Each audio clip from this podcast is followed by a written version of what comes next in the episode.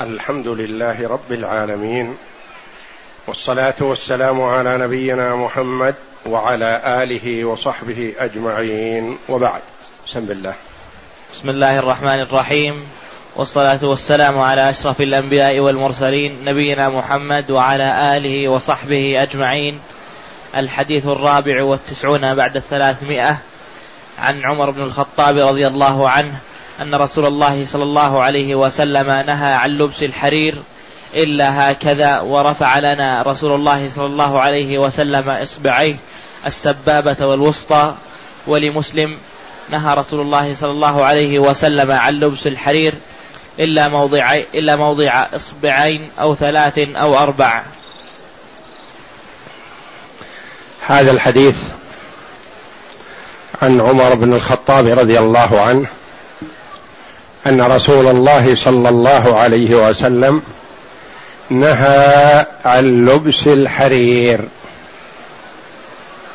والنهي يقتضي التحريم. ما لم يصرفه صارف.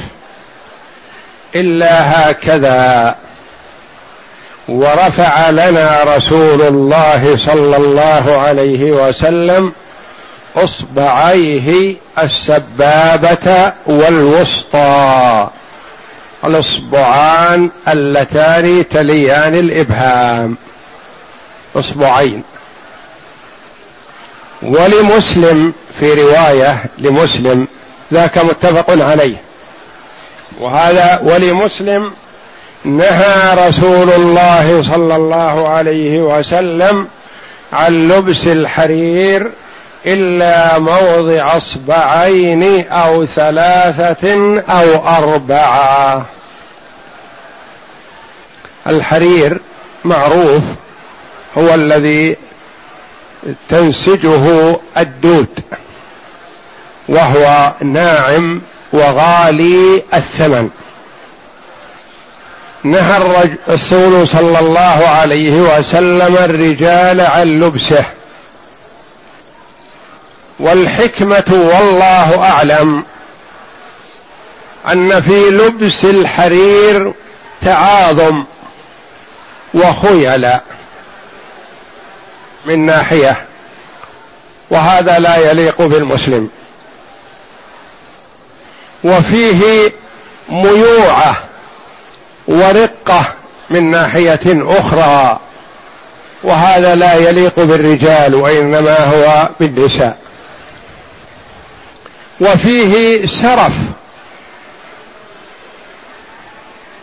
وكثرة استهلاك المال بلا فائدة. فنهى رسول الله صلى الله عليه وسلم عنه. ورخص فيه صلى الله عليه وسلم للحاجة كعلاج لمن فيه حكة.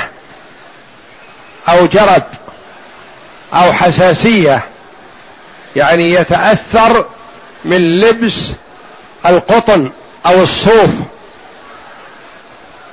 فرخص له في لبس الحرير. ونظرا لكونه زينة وجمال والنساء في حاجة إلى هذا رخص للنساء في لبسه. ثم إنه قد يحلى به الثياب. فرخص صلى الله عليه وسلم في قدر أصبعين أو ثلاثة أو أربعة ولا يزيد.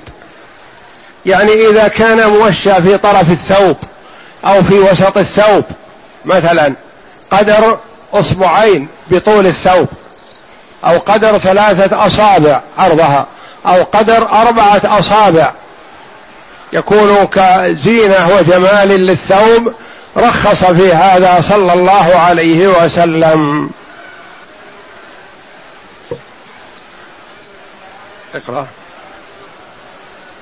ما يستفاد من الحديث الأول فيه تحريم لبس الحرير على الرجال دون النساء. على الرجال دون النساء لأنه جاء ان النبي صلى الله عليه وسلم أخذ قطعة من حرير وقطعة من ذهب فقال هذان حل لإناث أمتي حرام على ذكورها ولأن المرأة في حاجة إلى التحلي والتزين للرجل فرخص لها في هذا والرجل ما ينبغي له أن يتخذ ما يكسبه الخيلاء والكبر ولا يتخذ ما يكسبه الرقة والميوعه والأنوثة. ولا ينبغي له أن يسرف على نفسه في النفقة. يعطي نفسه أكثر مما تستحق. وقد قال قائل لا تتبذل تبذل العبد ولا تتنمق تنمق المرأة. يعني ينبغي أن يكون الرجل وسط. وسطا بين أمرين. لا يكون مترف ولا يكون خشن خشونة زائدة وإنما يكون متوسط الحال. الثاني فيه استثناء قدر الأصبعين أو الثلاث أو الأربع. إذا كان تابعا لغيره. إذا كان تابعا لغيره. تابع لغيره. أما مستقل فلا. قالوا مثلا إذا كان آه، خيطا مستقل مثلا مثل للسبحة أو لشيء ما كله حرير فيمنع هذا. وإنما إذا كان في الثوب قدر أصبعين أو ثلاث أصابع أو أربع أصابع محلا به الثوب الكبير. ولا يكون مستقلا مثل مثلا ما يوضع على الرأس أو كذا ولو كان أقل من ثلاث أصابع أو أربع أصابع. فما يجوز للرجل أن يلبس الحرير مستقلا وإنما يكون تابعا لغيره. نعم. أما المنفرد فلا يحل منه قليله ولا كثيره كخيط مسبحة أو ساعة أو نحو ذلك. نعم. الحديث الخامس والتسعون بعد الثلاثمائة عن البراء بن عازب رضي الله عنه قال ما رأيت من ذي لمة في حلة حمراء أحسن من رسول الله صلى الله عليه وسلم. له شعر يضرب إلى منكبيه. بعيد ما بين المنكبين ليس بالقصير ولا بالطويل.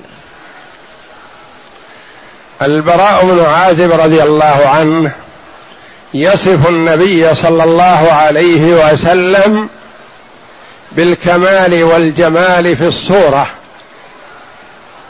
وهي غالبا ما تكون دليلا على كمال الخلق وحسن ال ال الاعتقاد وطوية القلب. فالجمال الظاهري ينم عما في الباطن مما اشتمل عليه.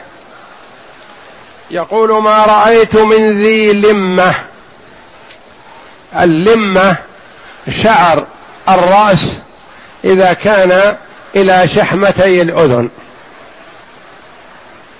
فإن كان نازل ويمس الكتفين سمي جمة أو جمة.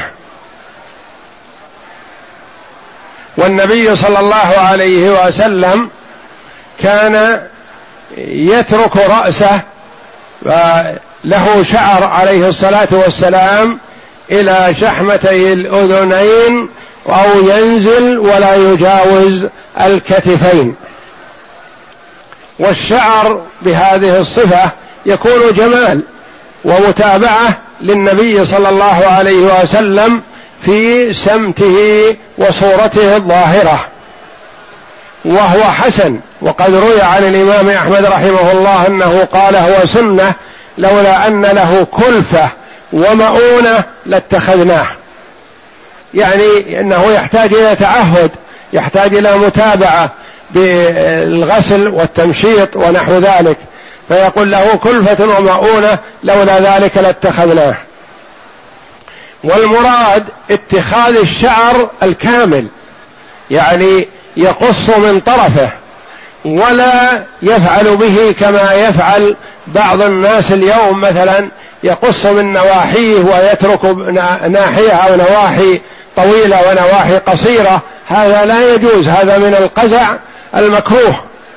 وإنما إذا كان كله على شكل واحد وسواء وكان عليه الصلاة والسلام يترك شعره. و وهو للرجال جائز وللنساء مستحب. لأن فيه جمال للنساء وكانت أمهات المؤمنين رضي الله عنهن لهن شعور. فلما توفي رسول الله صلى الله عليه وسلم وأصبحنا في لسنا بحاجة إلى التجمل عند ذلك قصصنا أو بعضهن شعورهن إلى الكتفين. يعني خففنا منها. فيقول البراء بن عازب رضي الله عنه ما رأيت من ذي لمة. ذي بمعنى صاحب. من ذي لمة في حلة حمراء. الحلة الثياب بتكون قطعتين. تكون إزار ورداء تسمى حلة.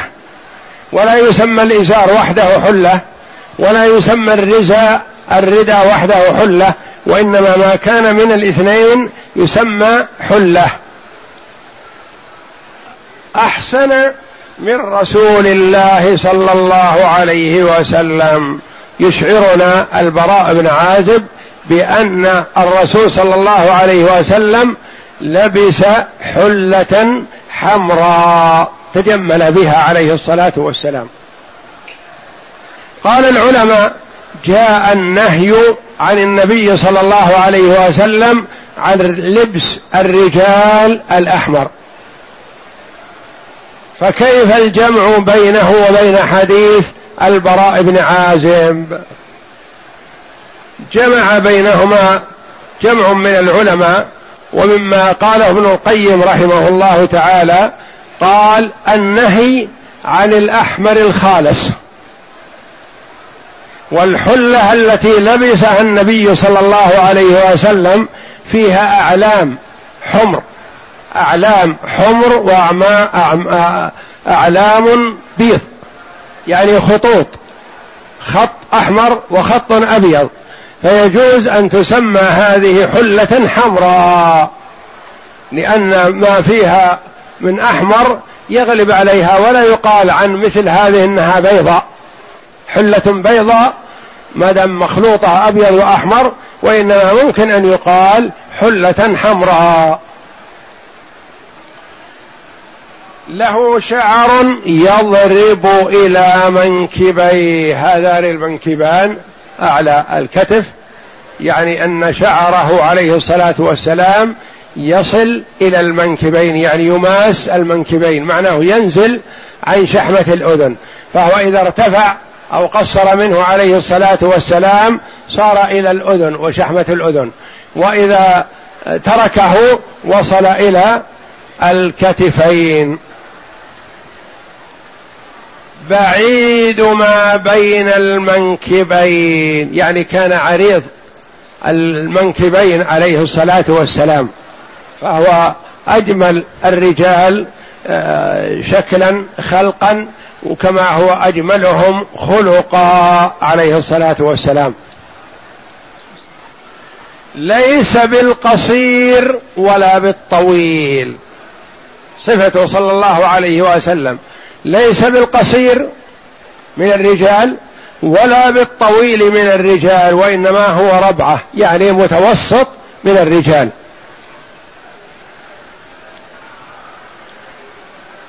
نعم. غريب الحديث. اللمة بكسر اللام قال في الصحاح اللمة بالكسر الشعر الصحاح من كتب اللغة ليس المراد بها الأحاديث وإنما من كتب اللغة التي تبين آه، تشكيل الكلمة نطقها ومأخذها من من أين مأخوذة؟ نعم. أي الشعر يتجاوز شحمة الأذن؟ فإذا بلغ المنكبين فهو جمة وسميت لمة لأنها ألمت بالمنكبين. ما يستفاد من الحديث الأول فيه جواز لبس الأحمر وقد ورد النهي عنه فحمله العلماء على محامل أحسنها ما قاله شمس الدين ابن القيم إن المراد بالأحمر الذي لبسه النبي صلى الله عليه وسلم الحبرة هو الذي في الحبرة الحبرة كساء فيه أعلام قد يكون تكون أعلام حمر وأعلام غير حمر نعم. الحبرة وهو الذي فيه أعلام حمر وأعلام بيض وليس المراد الأحمر الخالص الذي نهي عنه. الثاني وفيه دليل على حسن توفير الرأس. حتى يبلغ المنكبين أو فوقهما أو تحتهما قليلا ففيه جمال واقتداء. جمال زينة واقتداء بالنبي صلى الله عليه وسلم. وليس منه ما, منه ما يفعله بعض الشباب اليوم برؤوسهم بقص بعضه وترك, وترك البعض الآخر تلك المثلة التي يسمونها تواليت فهذه بدعة مستقبحة يعني فيها تقليد للكفار. نعم. ومثلة مستبع مستبشعة وهو القزع المكروه ولكنه عمل والقزع أخذ بعض الرأس وترك بعض. ولكنه عمل الفرنج والمتفرنجة وكفى بهم قدوة. الفرنج الكفار والمتفرنجة المقلدين لهم. نعم. وكفى بهم قدوة عندهم عن النبي صلى الله عليه وسلم في خلقه وخلقه وخلقه وإنا لله و... خلقه يعني الشكل الخارجي والخلق الطبع وما يتصف به عليه الصلاة والسلام من حسن الخلق وإنك لعلى خلق عظيم. سئلت عائشة رضي الله عنها ما هو خلق النبي صلى الله عليه وسلم الذي أثنى عليه ربه به؟ قالت كان خلقه القرآن. يعني يتأدب بآداب القرآن. الثالث في الحديث بيان خلق النبي صلى الله عليه وسلم الظاهر من حسن الشعر ورحابة الصدر وحسن القامة وحسن الخلق عنوان الخلق وقد كمله الله تعالى بهما صلى الله عليه وسلم. كمله الله جل وعلا بالخلق الحسن والخلق الحسن عليه الصلاة والسلام. والله أعلم. وصلى الله وسلم وبارك على عبده ورسوله نبينا محمد وعلى آله وصحبه أجمعين.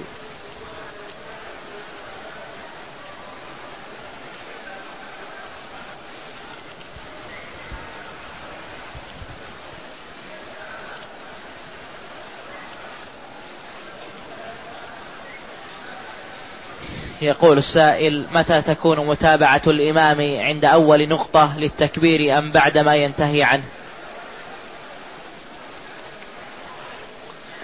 بينها الصحابي رضي الله عنه قال كان النبي صلى الله عليه وسلم يكبر للسجود فما أحد منا يحني ظهره حتى يصل النبي صلى الله عليه وسلم إلى الأرض.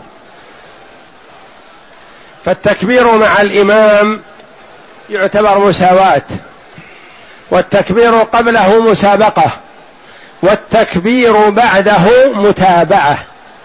ونحن مأمورون بمتابعة الإمام فلا نساويه وإنما نكون بعده.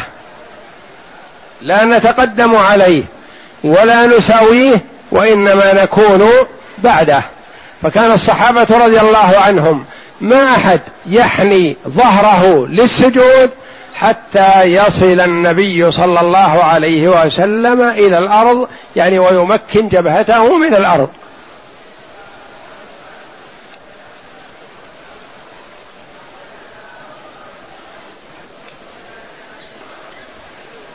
يقول السائل هل تشهد الأرض في, في كل أعمال القولية والفعلية أم القولية فقط؟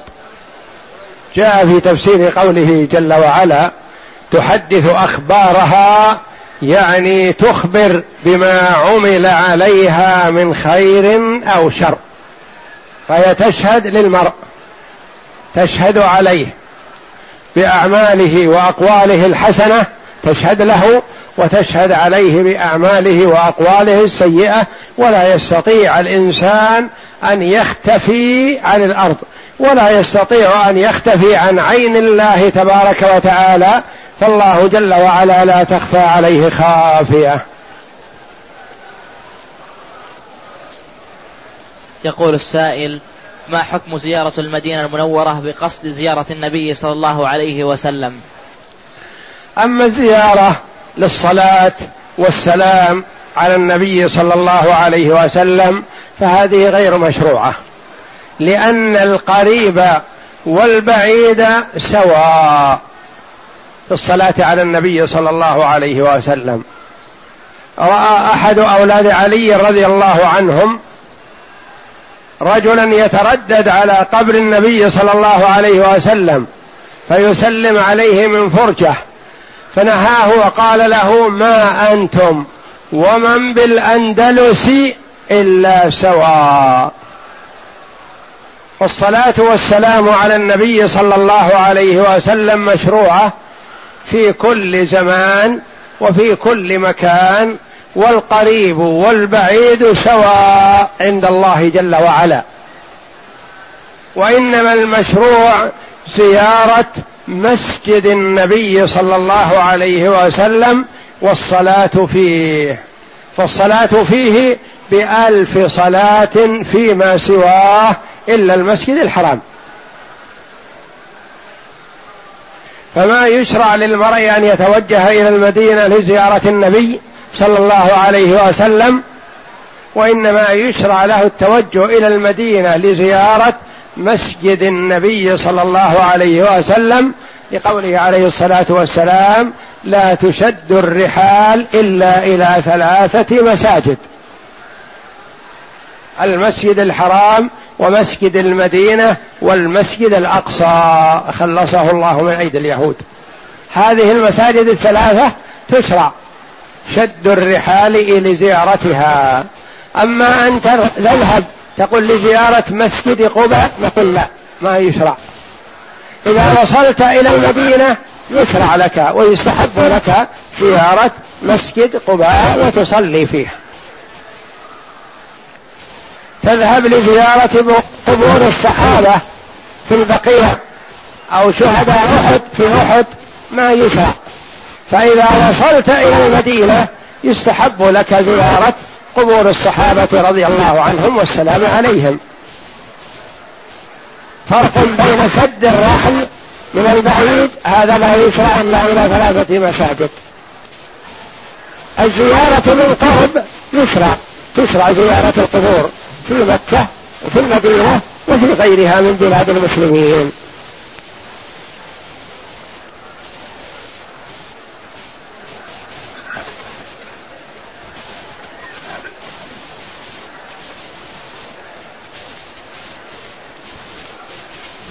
يقول السائل ما كفارة من ذبح الهدي هدي التمتع قبل شهر ذي الحجة.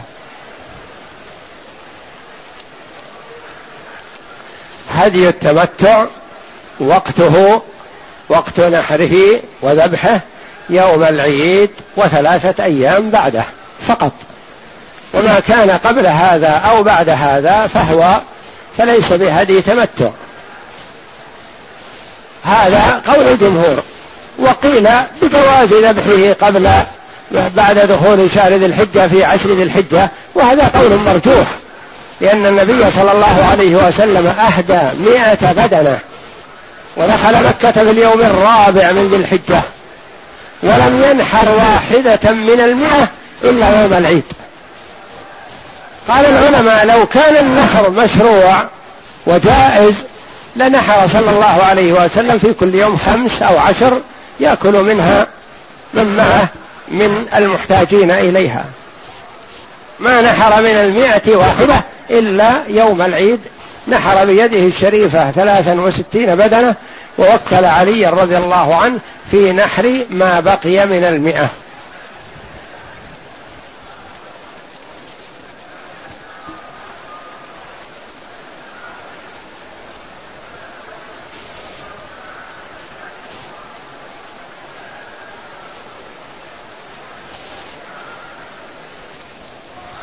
يقول السائل أرشدني أحد الإخوة بترك قيام الليل والتهجد في وقت السحر فقال لي لا تشق على نفسك أما سمعت قول رسول الله صلى الله عليه وسلم من صلى العشاء في جماعة فكأنما قام نصف الليل ومن صلى الصبح في جماعة فكأنما قام الليل كله فهل أترك قيام الليل؟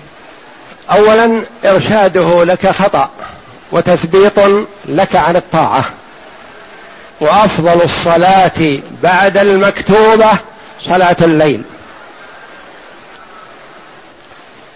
وإذا تحرى المسلم ما جاء من وعد وبشارة النبي صلى الله عليه وسلم بثواب الأعمال الصالحة مؤمنا بها أعطاه الله جل وعلا إياها. فقد يكتب للمسلم صيام الدهر عدة مرات. ما يقول يكفيني مرة. فمثلا جاء عن النبي صلى الله عليه وسلم من صام رمضان وأتبعه ستا من شوال فكأنه صام الدهر. هذا صحيح. ومن صام ثلاثة أيام من كل شهر فكأنما صام الدهر. فهو إذا صام رمضان وأتبعه ستا من شوال كان كمن صام الدهر كله.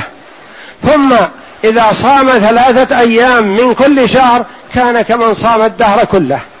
فيكتب له صيام الدهر مرتين. صلى العشاء في جماعة كتب له قيام نصف الليل. صلى الفجر في جماعة كتب له قيام الليل كله. قام من الليل ما تيسر له كتب له ما كتب له. صلى مع الإمام صلاة التراويح كأنما قام الليل كله. وهكذا فيكتب للمسلم قيام الليل مضاعفا إذا تحرى ذلك وعمل به. ولا ينبغي للمرء أن يحرص على الأكثر والأعمق في أمور الدنيا ويقنع باليسير من أمور الآخرة. وقيام آخر الليل فضله عظيم. والنبي صلى الله عليه وسلم يقول في الحديث الصحيح ينزل ربنا كل ليلة حين يبقى ثلث الليل الآخر إلى سماء الدنيا فينادي هل من سائل فأعطيه؟ هل من مستغفر فأغفر له؟ هل من تائب فأتوب عليه؟ هذا لا يحصل لمن صلى العشاء ونام ولم يقم إلا لصلاة الفجر. من صلى العشاء ونام وقام لصلاة الفجر ما ينام ولا يقال له أخطأت ولا يحرم عليك ذلك. وإنما يقال فرطت في عظيم أنت قادر على أخذه. فرطت في ثواب عظيم. فما ينبغي للمسلم أن يتساهل في أمر الثواب ويقول يكفيني الشيء اليسير. ينبغي له أن يجتهد ويحرص ويكثر من العمل الصالح ولا ينبغي له أن يرهق نفسه فتمل يعني لا يرهق نفسه إرهاق يجعلها تمل وتكره العمل الصالح. وإنما يعالج نفسه قالوا كما يعالج الفطيم. في الأكل يعطى تدريجيا شيئا فشيء.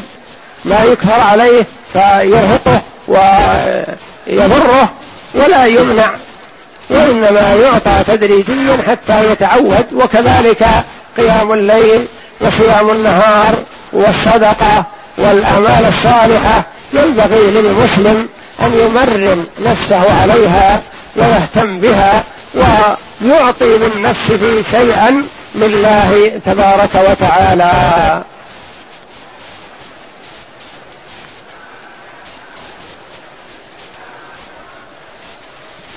يقول السائل ما حكم من فاتته سنة سنة الفجر؟ هل يجوز قضاؤها مع الضحى؟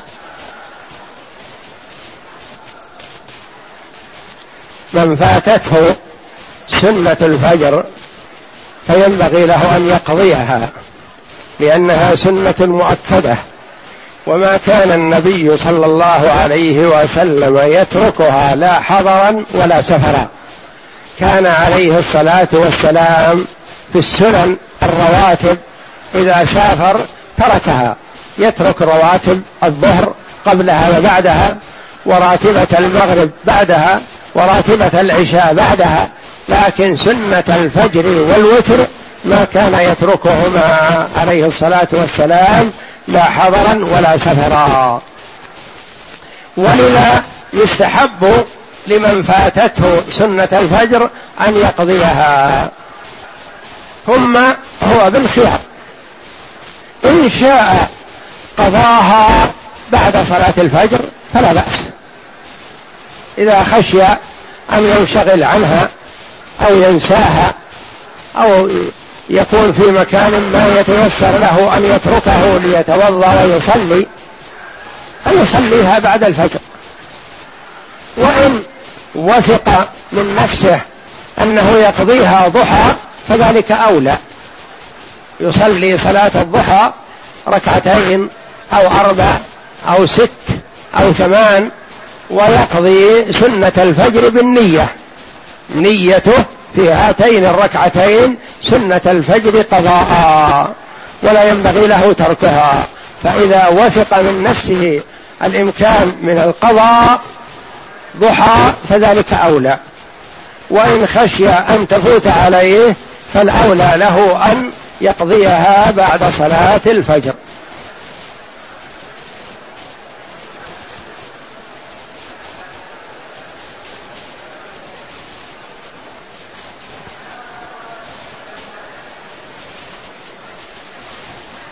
يقول السائل ما حكم رجل ذهب إلى قبر وقال للميت ادعوا لي, ادعوا لي هل هذا شرك أم بدعة؟ طلب من الميت أمرا من الأمور أيا كان. فذلك دعاء. ودعاء الميت شرك أكبر مخرج من الملة والعياذ بالله. وإن صلى المرء وصام وزعم أنه مسلم إذا سأل صاحب القبر امرا من الأمور فقد جعله شريكا لله في العبادة. وحبط عمله. والله جل وعلا يقول ولقد أوحي إليك يا محمد ولقد أوحي إليك وإلى الذين من قبلك لئن أشركت ليحبطن عملك ولا تكونن من الخاسرين. والنبي صلى الله عليه وسلم معصوم من الشرك. والله جل وعلا يعلم ازلا أن محمد عليه الصلاة والسلام لا يشرك. ولكنه جل وعلا يعلم الأمة والعباد. يقول محمد الذي هو أفضل العباد لو أشرك حبط عمله. فغيره من باب أولى.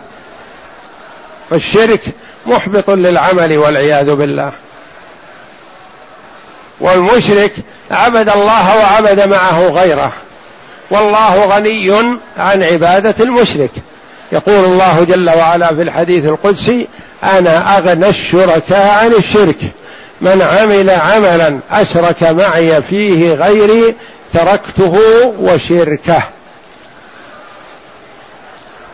وإنما زيارة القبور على ثلاثة أنواع. زيارة سنة يثاب عليها العبد.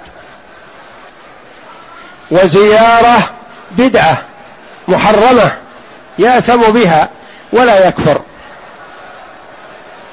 وزيارة شرك أكبر يكفر به المرء يخرج من ملة الإسلام. بحسب ما يصدر من العبد. قد يمشي الثلاثة في سيارة واحدة ويدخلون المقبرة جميع أحدهم مأجور والآخر آثم ولم يخرج من الإسلام والثالث كافر خرج من الإسلام. والفرق بينهم فيما صدر من كل واحد منهم. وربما يكون لا يسمع أحدهم ما يتكلم به الآخر. وربما يكونوا خرجوا من المسجد جميع مصلين.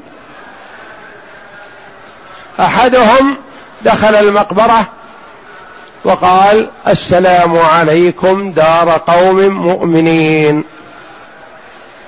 وإنا إن شاء الله بكم للاحقون يرحم الله المستقدمين منا ومنكم والمستأخرين اللهم لا تحرمنا أجرهم ولا تفتنا بعدهم واغفر لنا ولهم.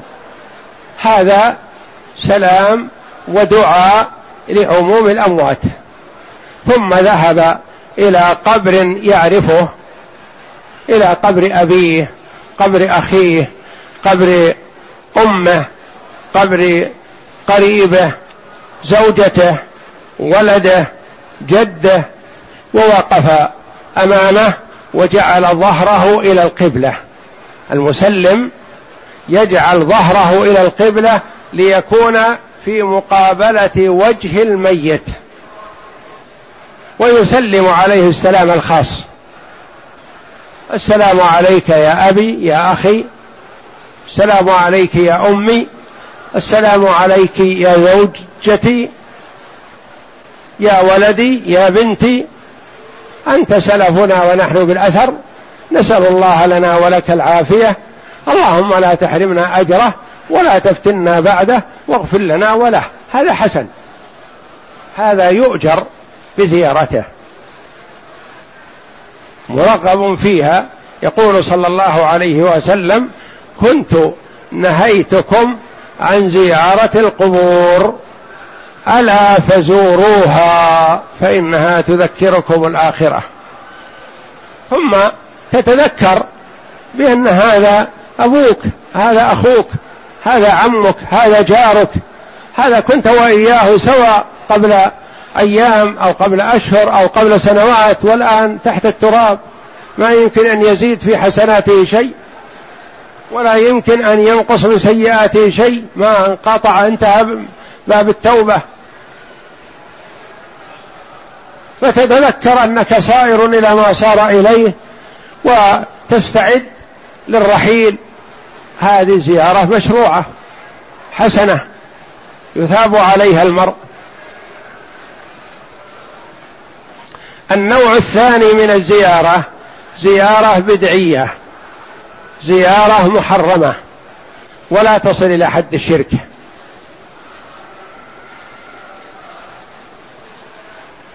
حزبه أمر من الأمور أو اهتم لأمر من الأمور. قال أخرج للمقبرة أدعو الله عند القبور. لعل الله أن يستجيب لي. نقول لا يا أخي لا تخرج عند القبور.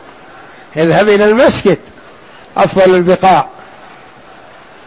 وصل ما تيسر لك واسأل ربك ما أحببت. والله جل وعلا يعطيك. يقول أنا ما أدعو القبور ولا أدعو أهل القبور وإنما أدعو الله لكن بين القبور. يقول تقول تظن أن دعاء الله بين القبور أفضل من دعاء الله عند المسجد في المسجد. تكون أخطأت بهذا. وهذا حرام عليك تقصد القبور لأجل أن تدعو الله عندهم. كأنك ترى أن القبور أفضل من المساجد. هذا محرم. وبدعة. لما قلنا بدعة؟ لأنه وسيلة إلى الشرك. قد يراك الجاهل تدعو الله عند القبور فيأتي بعدك ويدعو القبور. يسأل أصحاب القبور. فتكون دعوته أنت وسهلت له طريق الشرك. فهذا حرام وبدعة ولا يصل إلى حد الشرك. الثالث جاء إلى القبور قيل له هذا قبر رجل صالح. هذا قبر الشيخ الفلاني المعلم الفلاني الزاهد الفلاني. فجاء يتضرع إليه. ويسأله اشفع لي عند الله. اشفع لي عند الله يغفر لي ذنوبي. أو تسأله تقول رد علي ضالتي رد علي غائبي اشف مريضي. أغنني من الفقر اقض عني الدين. هذا شرك أكبر مخرج من الملة. وصاحبه كافر. وإن صلى وصام وزعم أنه مسلم لأنه دعا غير الله. والدعاء مخ العبادة. دعاء غير الله جل وعلا عبادة لهذا المدعو. فعرفنا أن زيارة القبور ثلاثة أنواع. زيارة مشروعة مستحبة. وزيارة محرمة بدعة. وزيارة حرام وهي شرك أكبر. شرك وبدعة وسنة. وعلى العاقل أن يختار لنفسه.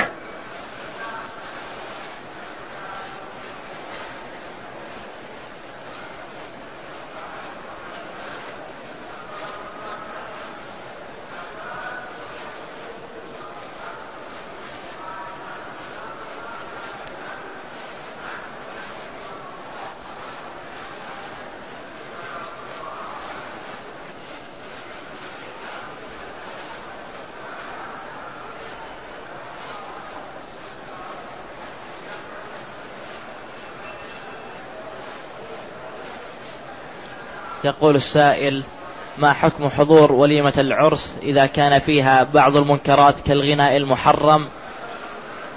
والاختلاف علما بأن عدم الحضور سوف يوتر العلاقات. حضور المجالس التي فيها منكر هذا لا يخلو. إن كان المرء رجلا كان أو امرأة إذا حضر أنكر المنكر وازيل أو أنكر المنكر ولم يزل. فالأولى له أن يحضر. لأنه ما دام سينكر فالإنكار فيه خير. إذا أزيل فهذا هو المطلوب وأفضل ما يكون. وإذا لم يزل فعلى الأقل يعلم من حضر أن هذا منكر. ولو ما أثر فيهم اليوم قد يؤثر في المستقبل بإذن الله. أما إذا كان سيحضر ويسكت ويقر المنكر حياء ومجاملة فلا يجوز له الحضور فيكون آثم بحضوره. وعلى المرء أن يتقي ربه جل وعلا ولا يتقي الناس. من التمس رضا الله بسخط الناس رضي الله عنه وأرضى عنه الناس. ومن التمس رضا الناس بسخط الله سخط الله عليه وأسخط عليه الناس. قلوب العباد بين أصبعين من أصابع الرحمن.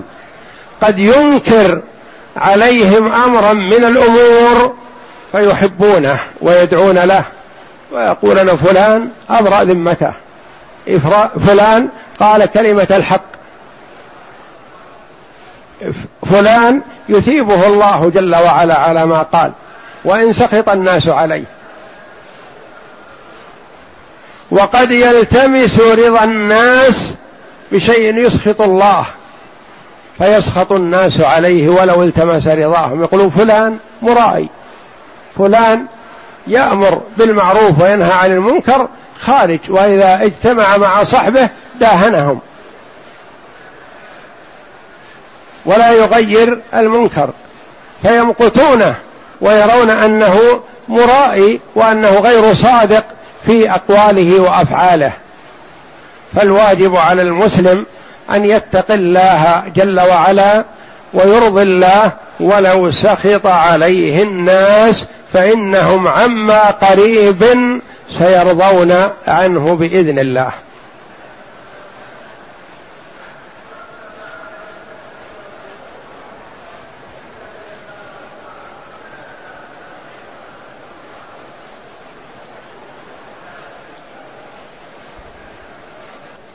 يقول السائل استضافني رجل وأسقاني في إناء فضة بدون علمي فهل أعذب بهذا مع جهلي؟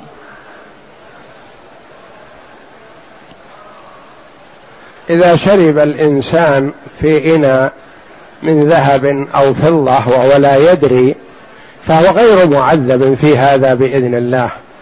وإنما يحرم على المسلم أن يشرب بإناء الذهب والفضة أو يأكل بها أو يستعملها أواني ملاعق أو سكاكين أو صحون أو غير ذلك مما يستعمل.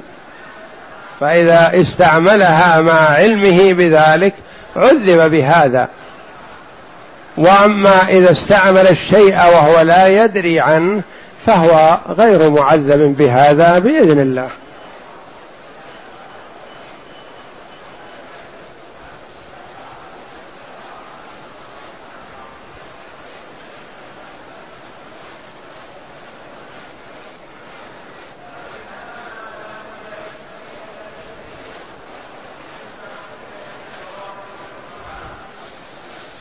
يقول السائل إذا كان في الحرير سرف وخويلاء فلما رخص للنساء في لبسه؟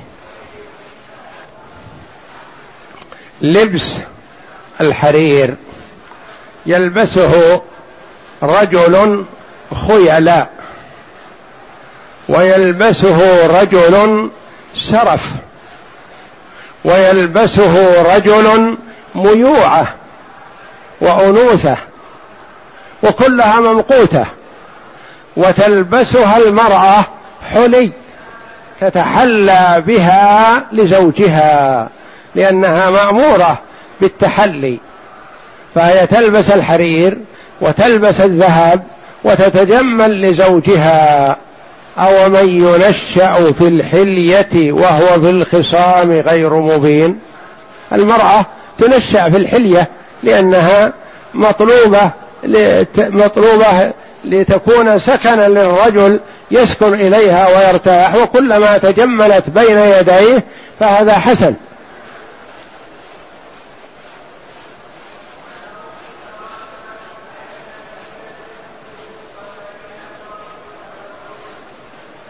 يقول السائل هل المرخص من الحرير قدر اصبعين أو ثلاث أو أربع قدر, قدر طول الإصبع وعرضه؟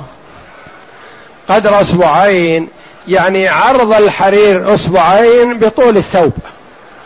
أو عرض الحرير ثلاث أصابع بطول الثوب أو أربع أصابع بطول الثوب.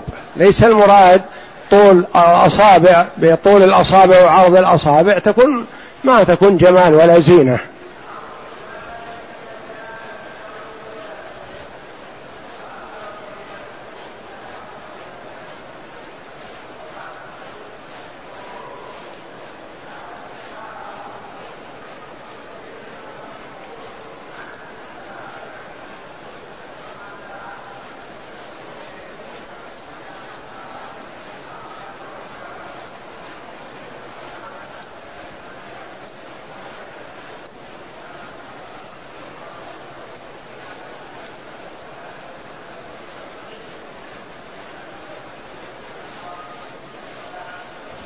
يقول السائل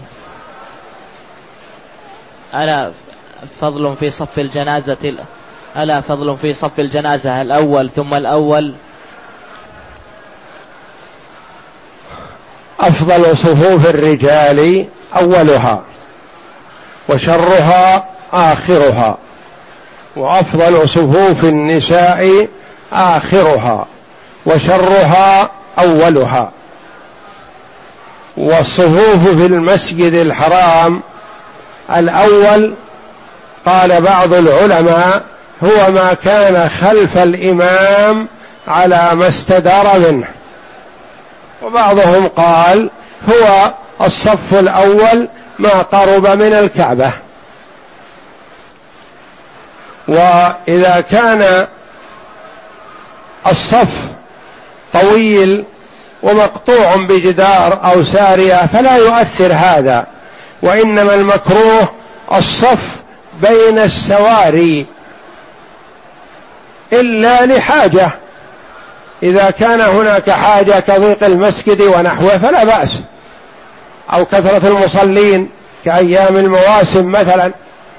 وأما إذا لم يكن هناك حاجة فيكره أن يصف بين السواري يعني أربعة خمسة وثم مقطوع ثم أربعة خمسة مقطوع وهكذا. أما إذا كان الصف طويل ثم قطع في جدار أو عمود أو نحو ذلك فهذا لا يؤثر على الصف.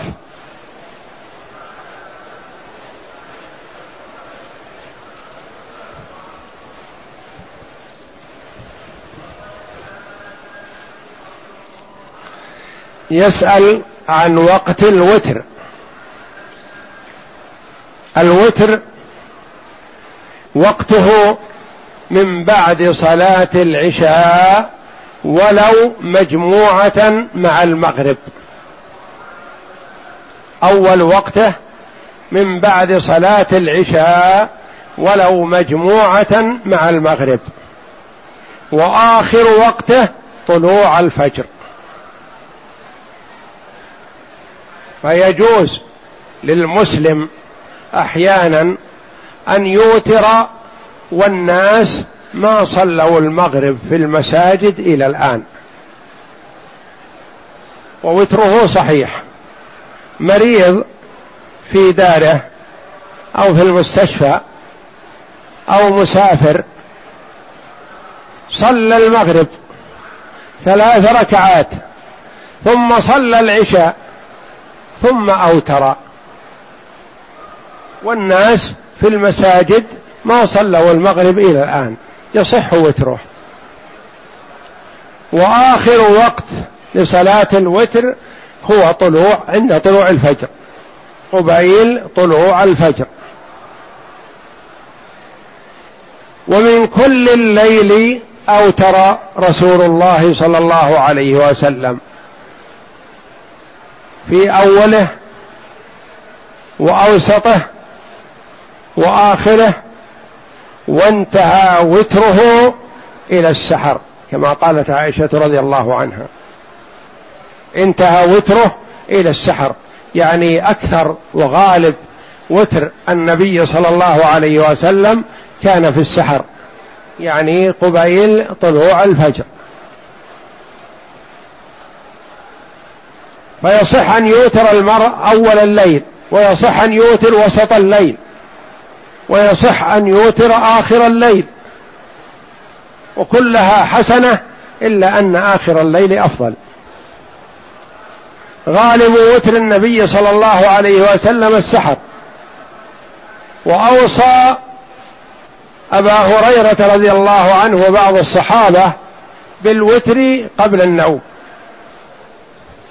لما نقول لمن من وثق من نفسه القيام آخر الليل فالوتر آخر الليل أفضل. ومن يخشى أن يغلبه النوم فلا يستيقظ إلا لصلاة الفجر فيوتر قبل أن ينام.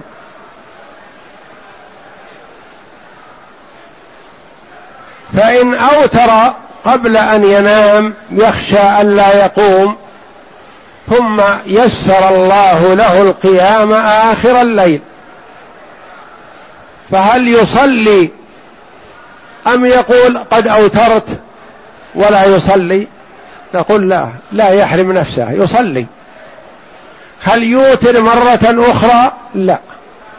لقوله صلى الله عليه وسلم لا وتران في ليلة. فإذا قام من آخر الليل وقد أوتر من أول الليل فيصلي ما تيسر له ولا يوتر مرة أخرى. ما هو أقل الوتر وأكثره وأفضله؟ أقل الوتر ركعة. ركعة واحدة وتر. صلى المغرب ثم صلى العشاء. إن كان مسافر ركعتين وإن كان مقيم أربع ركعات ثم أوتر بركعة ونام. إذا كان مريض. أوتر. أقله ركعة. ولا حد لأكثره.